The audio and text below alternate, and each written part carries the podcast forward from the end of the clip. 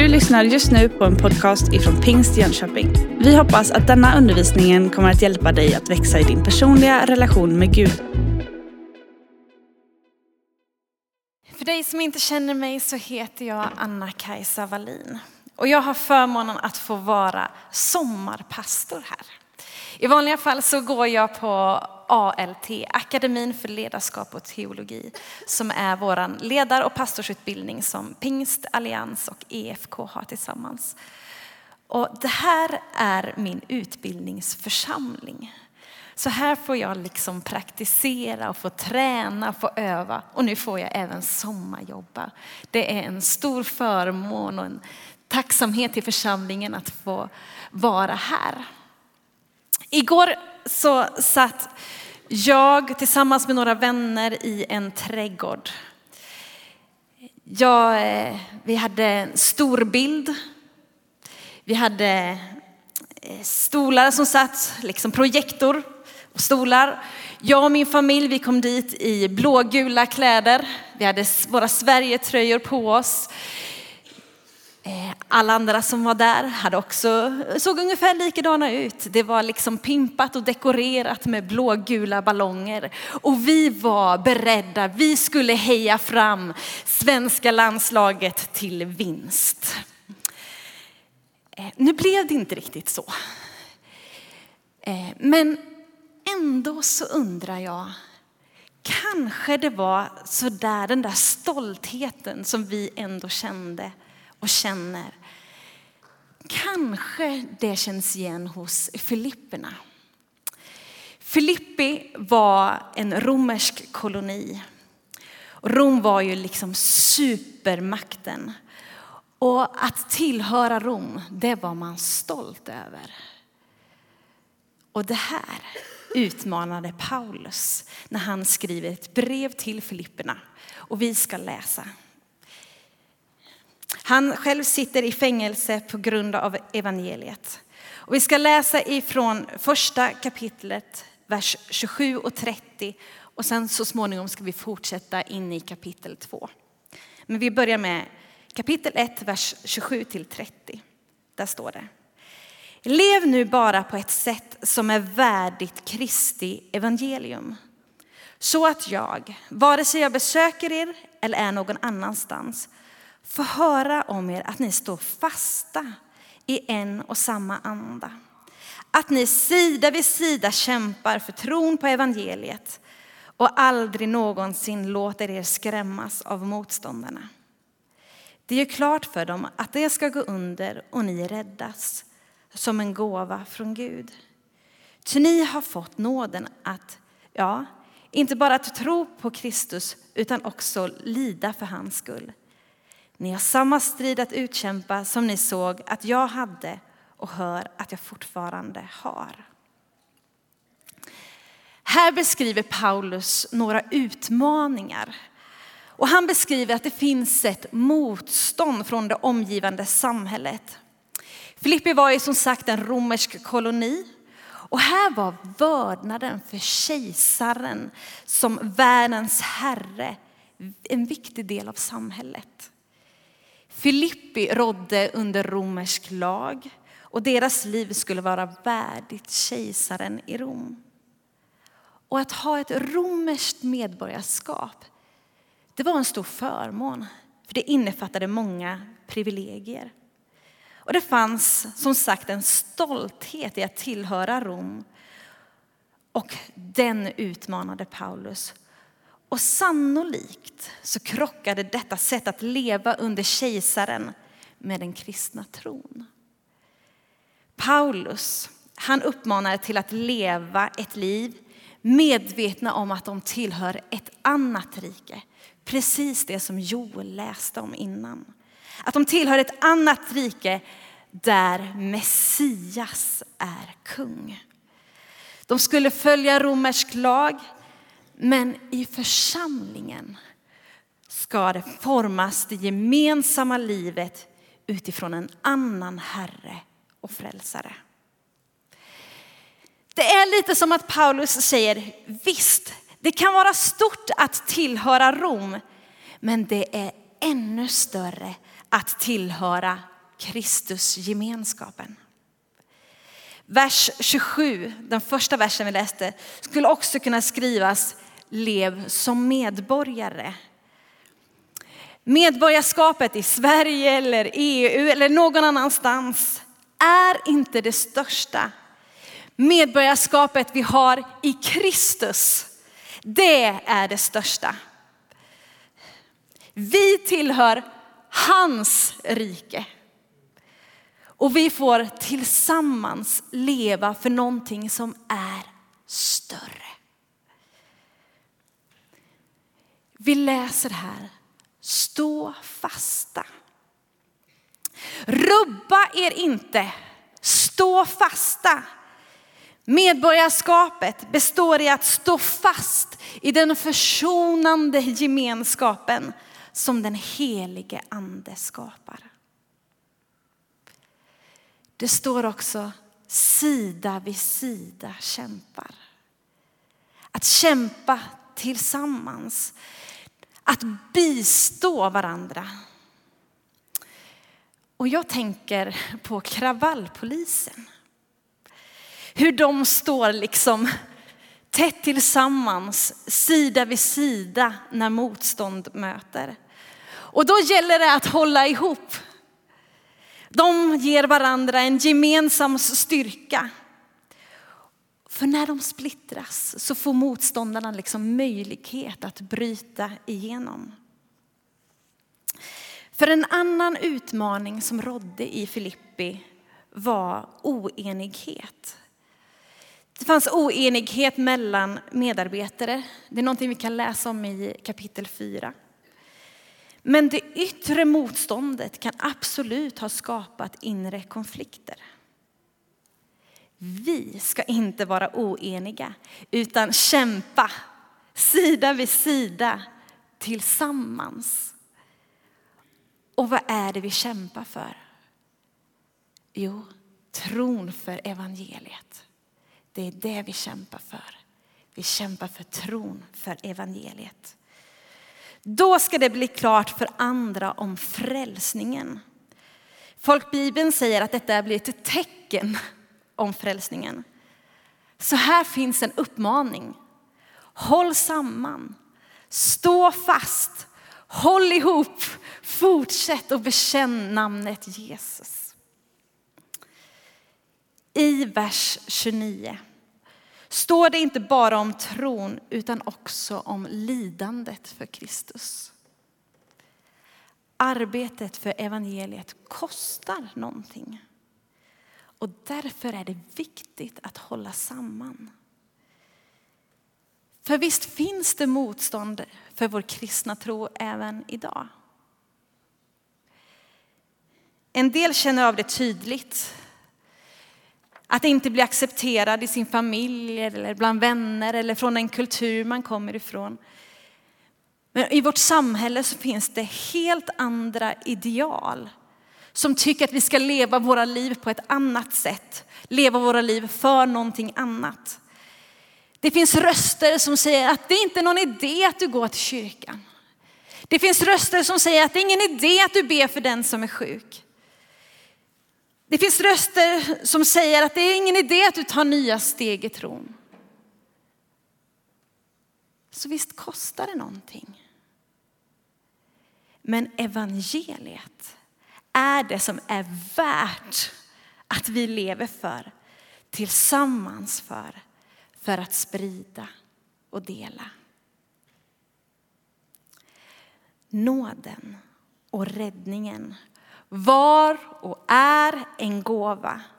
Och det skulle gestaltas i ett gemensamt liv. Därför är det så viktigt att vi peppar, att vi uppmuntrar varandra till att stå sida vid sida tillsammans och stå fasta. Vi fortsätter och läser, går över till kapitel 2, vers 1-4. Om det alltså finns tröst genom Kristus, uppmuntran från kärleken och gemenskap från anden. Om det finns ömhet och medkänsla.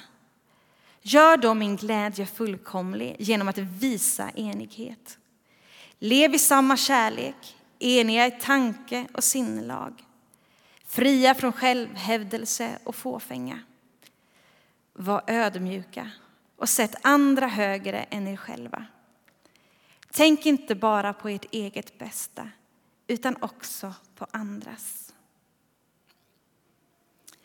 I Filipperbrevet 2.1 och framåt beskriver Paulus ett liv i gemenskap. För att just kunna stå fasta i evangeliet och därmed vara ett tecken för andra. Utgångspunkten är vad livet med Kristus innebär och har sin grund i att Jesus Kristus är förebilden för oss. Men hur står man tillsammans? Hur står man tillsammans? Bibel 2000 säger genom Kristus. I folkbibeln står det hos Kristus. Men det kan också översättas i Kristus. Den här gemenskapen, gemenskapen i Kristus kännetecknas av fyra saker kan vi läsa i bibeltexten.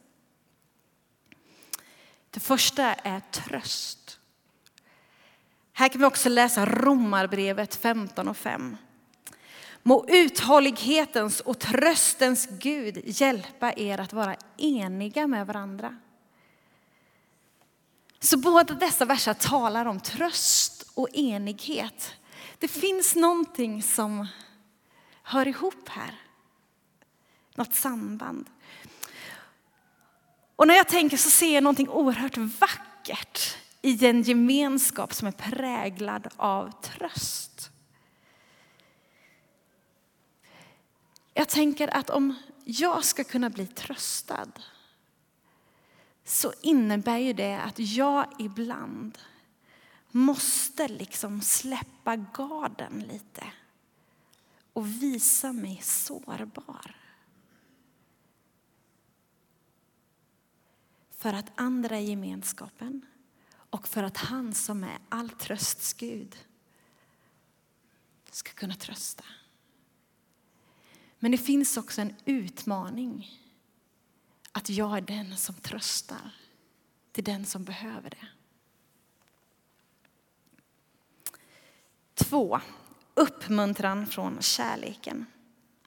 Kärleken till varandra är det som binder oss samman.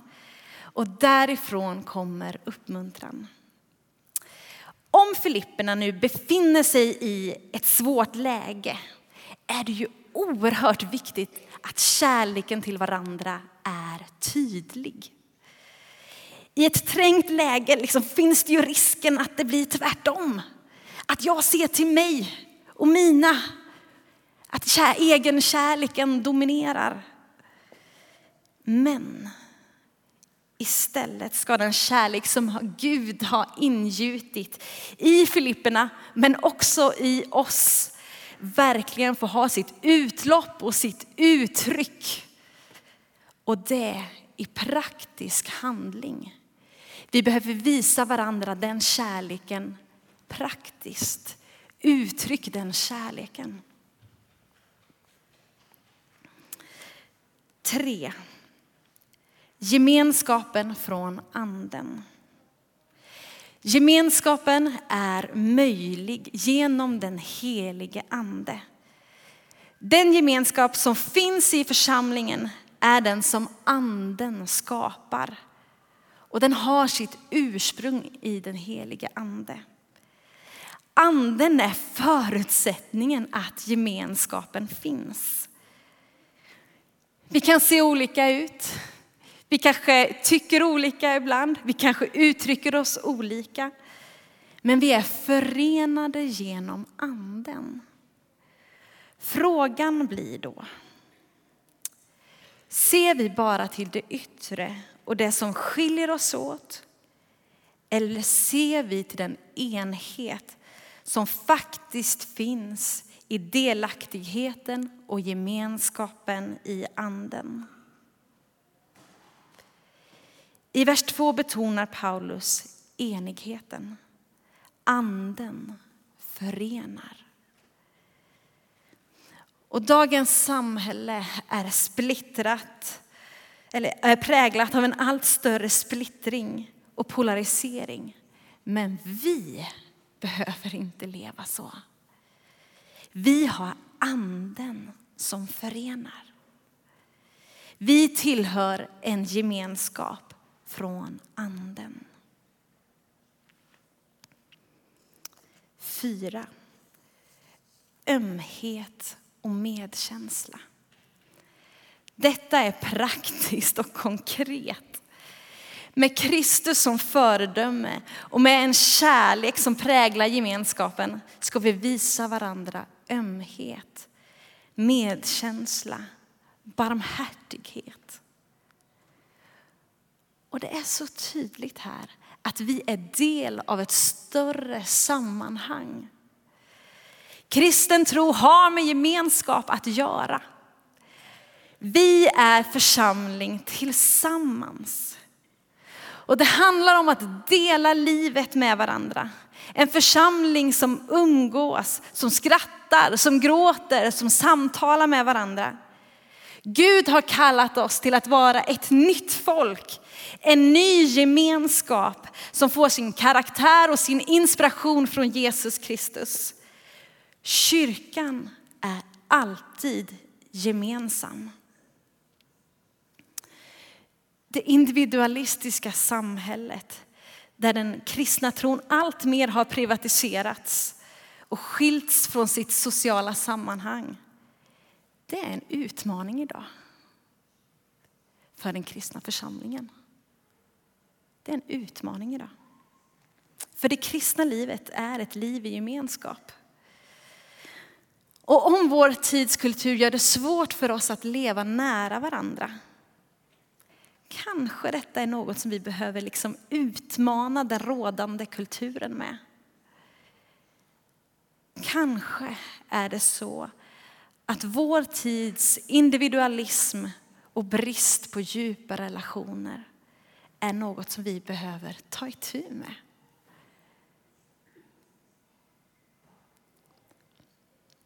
Vers 5 säger Låt det sinnelag råda hos er som också fanns hos Jesus Kristus.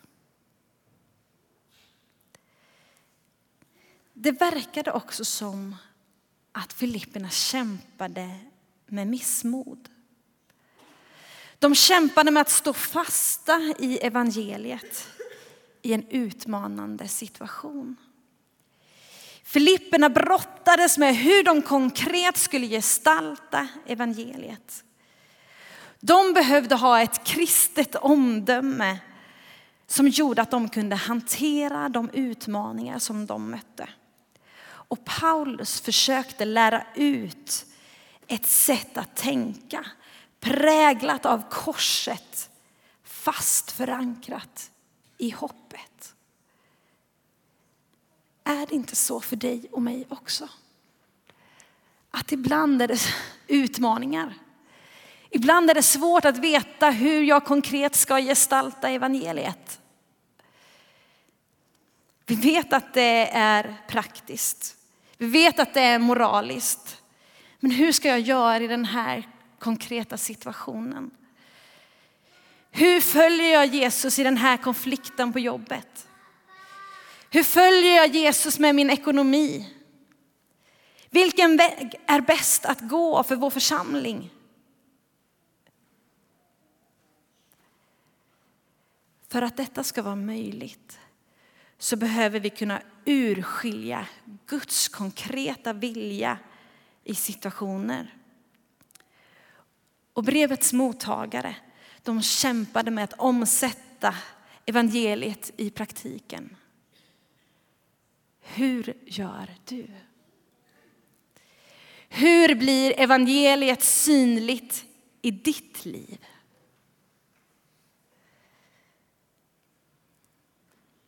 Hur får vi detta att bli en verklighet? Vi behöver ett Kristuslikt tänkande. Och det Kristuslika tänkandet baseras på berättelsen om Jesus Kristus, där korset är i centrum. Och det möjliggörs genom hans nåd. Det handlar om att leva ett liv med Kristus som förebild. Och med ett Kristuslikt tänkande och omdöme kan vi forma ett liv troget evangeliet. Våra liv liksom behöver modelleras efter han som är själva modellen. Vi behöver leva liv i ständig överlåtelse till Kristus. Tyvärr så är vi ju liksom inte på något sätt immuna mot samhället och världens inflytande över våra liv. Vi utmanas ständigt av olika sätt att tänka och prioritera. Världen sätter ju liksom upp en annan ordning av vad som är viktigt i livet. Och den här femte versen som talar om det Kristuslika tänkandet är i alla fall för mig en utmaning. För jag märker hur mycket mitt sätt att tänka är präglat av den här världen. Och jag hoppas innerligt att jag inte är själv om det. Men jag behöver leva i ständig överlåtelse till Kristus. Och jag tänker mig att kanske du också behöver det. Vi behöver leva i ständig överlåtelse till Kristus. Att låta honom prägla mitt liv och vårt liv, mitt sätt att tänka, vårt sätt att tänka. Kapitel 2 fortsätter vi 6-8 i verserna. Han ägde Guds gestalt men vakade inte över sin jämlikhet med Gud utan avstod från allt och antog en tjänares gestalt då han blev som en av oss.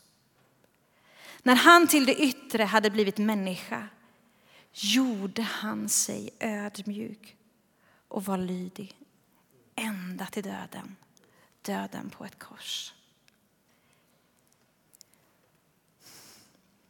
Jesus är förebilden för oss i sitt sätt att vara. Ibland kanske det är lite tvärtom mot vad världen säger. Han avstod. Här finns en motsats till vårt samhälle. Vi vill helst inte avstå saker. Vi vill ju liksom ha allt. Och ju mer, desto bättre. Och för mig just nu så är det som att Gud pekar på vissa saker i mitt liv som jag kanske behöver avstå. Kanske bara för en tid. Men kanske är det så att Gud också pekar på saker som du behöver avstå. Som du behöver lämna en stund. Mer är kanske inte alltid bättre. Han antog en tjänares gestalt. Givet sin gudomliga ställning så borde han ha blivit betjänad. Men han valde att tjäna. Det är så oerhört radikalt. Han valde att tjäna. Även här är det liksom en motsats till dagens samhälle där status och ställning är så viktigt. Hur ser det ut i ditt liv? Är status och ställning för viktigt? Gud blir synlig i Jesu tjänande. Gud blir synlig i ditt och mitt tjänande.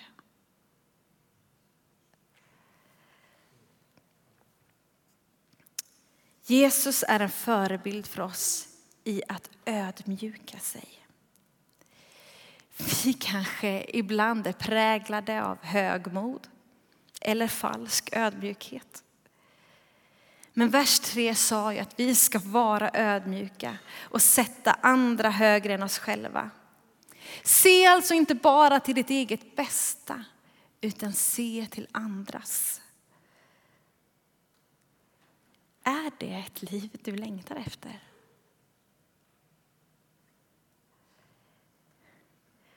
På så sätt leder ödmjukheten också till enigheten. Där andras bästa går före mitt eget. Och i vår värld så handlar det så otroligt mycket om att vi ska klättra uppåt. Och jag tänker att Gud på något sätt har en annan riktning. Neråt. Han kom ner. Han ödmjukade sig. Ner på knä. Tvätta varandras fötter. En annan riktning. Det är en utmaning för oss.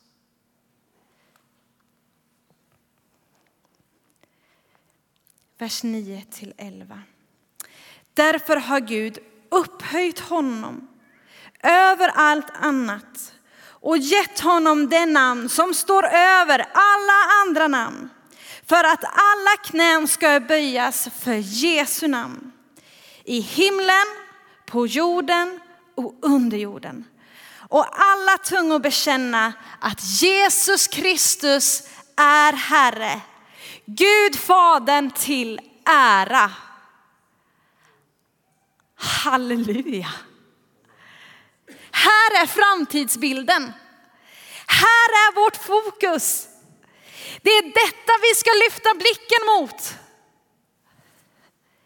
Med vetskapen om att vi först och främst har vårt medborgarskap i hans rike. Att leva som kristen, det innebär att gå ner på knä inför Jesus. Han är inte bara vår förebild i ett sätt att leva, utan hans namn är över alla andra namn. Det är han som är värd vår tillbedjan. Det är han som är värd att äras. Han som är kungars kung och herrars herre. Han är värd vår tillbedjan. Du har just lyssnat på en podcast ifrån Pingst Jönköping. För att få reda på mer om vilka vi är och vad som händer i vår kyrka så kan du gå in på pingstjonkoping.se eller följa oss på sociala medier via pingstikpg.